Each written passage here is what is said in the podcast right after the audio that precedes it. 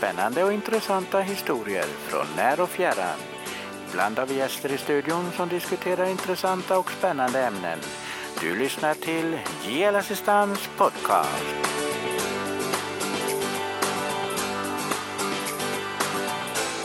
I detta avsnitt kan du lyssna till Hur länge kan en snöflinga leva? Mysteriet med Kaspar Hauser. Vem var denna pojke? Fantastiska djur. Fredagen den 13. Varför är det en otursdag? Och mycket annat intressant.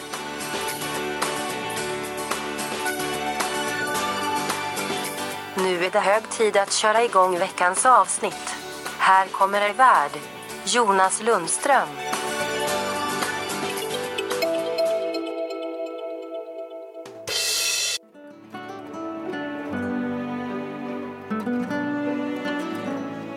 Snöflingor är rätt så fantastiska. Förutom att det lär inte finnas två stycken som är likadana så är de väldigt långlivade. Om en snöflinga landar på en glaciär så kan den faktiskt ligga kvar där i uppåt en 10 000 år innan den smälter och blir vatten igen.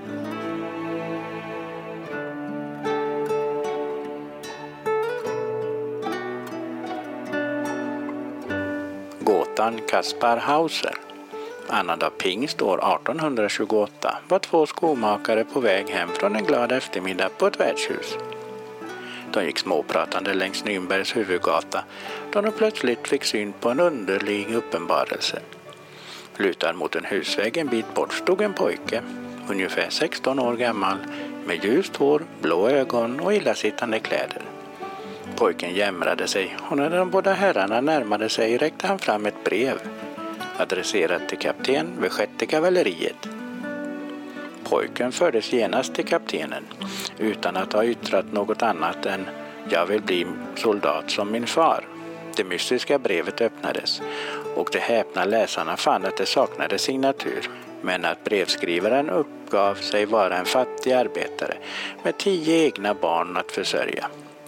Han hade tagit hand om den nyfödda pojken den 7 oktober 1812 och pojken hade sedan dess aldrig fått lämna huset. Brevet slutade med de grymma orden Om ni inte önskar behålla honom kan ni slå ihjäl honom eller hänga honom från er skorsten. Efter bara några veckor hade pojken gjort fantastiska framsteg. När han kom kunde han bara skriva två ord, Kaspar Hauser, vilket man antog var pojkens namn.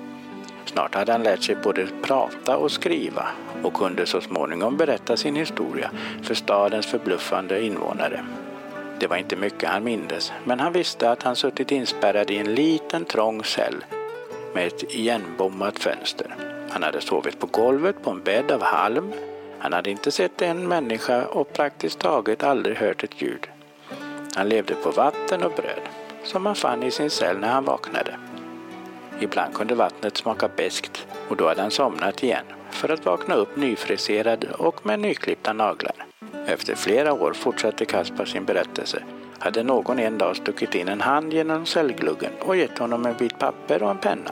Med den okändes hjälp hade Kaspar lärt sig att skriva sitt namn och uttala meningen ”vill bli soldat som min far”. En dag hade dörren plötsligt öppnats.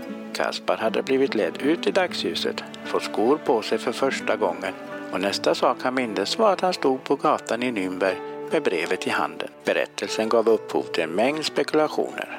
Några avfärdade honom som en smart bedragare som bara ville göra sig ett namn. Andra slogs av likheten mellan Kaspar och provinsens härskarsläkt, storhertigen av Baden. Kanske var han bara en bluff, men i så fall fanns det vissa fakta som är svåra att förklara. Varför var hans inte lika mjuka som på ett spädbarn? Varför hade han ett så otroligt välutvecklat luktsinne att han kunde känna igen både människor och djur på deras doft? Också varför såg han lika bra i mörker som en uggla?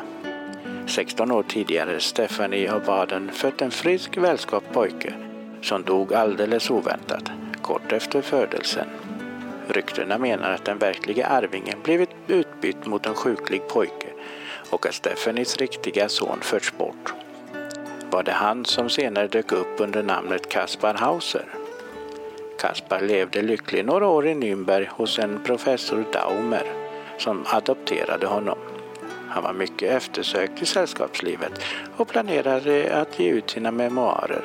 Men strax efter att han meddelat att han tänkte skriva om sitt liv blev han i professor Daumers källare utsatt för ett mordförsök av en maskerad man.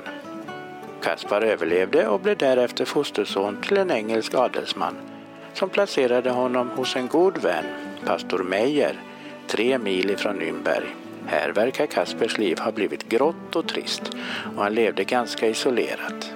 Pastorn ansåg att Kaspar var en bedragare och när Kaspar en dag stapplade in i huset blödande från ett djupt knivsår trodde pastorn först att pojken iscensatt överfallet själv bara för att få uppmärksamhet. Men Kaspar överlevde inte mordförsöket som inträffade i en park när han var på väg hem.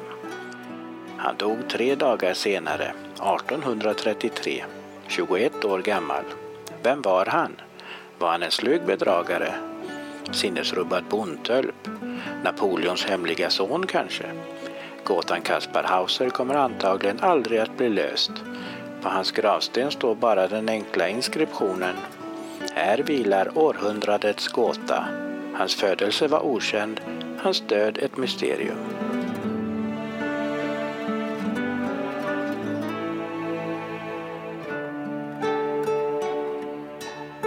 Fredagen den 13. Inte tror vi väl idag på gammal skrock som att fredagen den 13 skulle vara en otursdag, eller? Om du trillar i trappan, Halka på trottoaren eller kör i diket just denna dag, så nog tycker du ändå att det är fredagen den 13 fel. Varför har det blivit just denna dag som anses vara den farligaste och mest oturliga? Förr var det snarare tvärtom. Antikens greker och romare och våra egna förfäder här uppe i Norden ansåg att alla fredagar var lyckodagar. Likadant tyckte man i Indien och tycker än idag i muslimska länder. Vad hände då som gjorde denna internationella lyckodag till den mest olycksdrabbade av veckans dagar? Svaret finns i kristendomen. Jesus korsfästes på en fredag. Sedan dess har den för oss varit en olyckans dag. En dag då det bland annat sägs att man inte ska påbörja en resa. I Paris till exempel brukade 1840-talets bussar oftast ha en dagskassa på 65 till 70 franc. Men på fredagar var det bara hälften så stor. Och i Holland lämnade sjömän inte gärna hamnen på en fredag. För man trodde att havet den dagen alltid krävde ett offer. Talet 13 har alltid varit illa ansett. Varför kan man bara spekulera om. I många kulturer förknippas talet med underjorden och dödsriket. Och i både Europa, Amerika och Orienten undvek man så långt in som på vårt sekel att ge hotellrummen nummer 13. De fick till exempel heta 12A och 12B istället. I Iran lär man säga 12 plus för att undvika 13 och i Italien får talet inte förekomma i lotterier. Och att sitta 13 personer vid bordet, ja det undviker många här hemma än idag.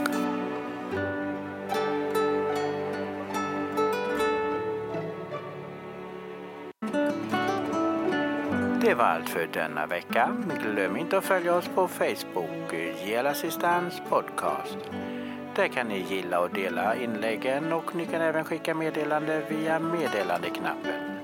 Vi finns på Podbean och Spotify, ja kort sagt på alla ställen där du brukar hitta dina poddar. Vi finns där poddar finns.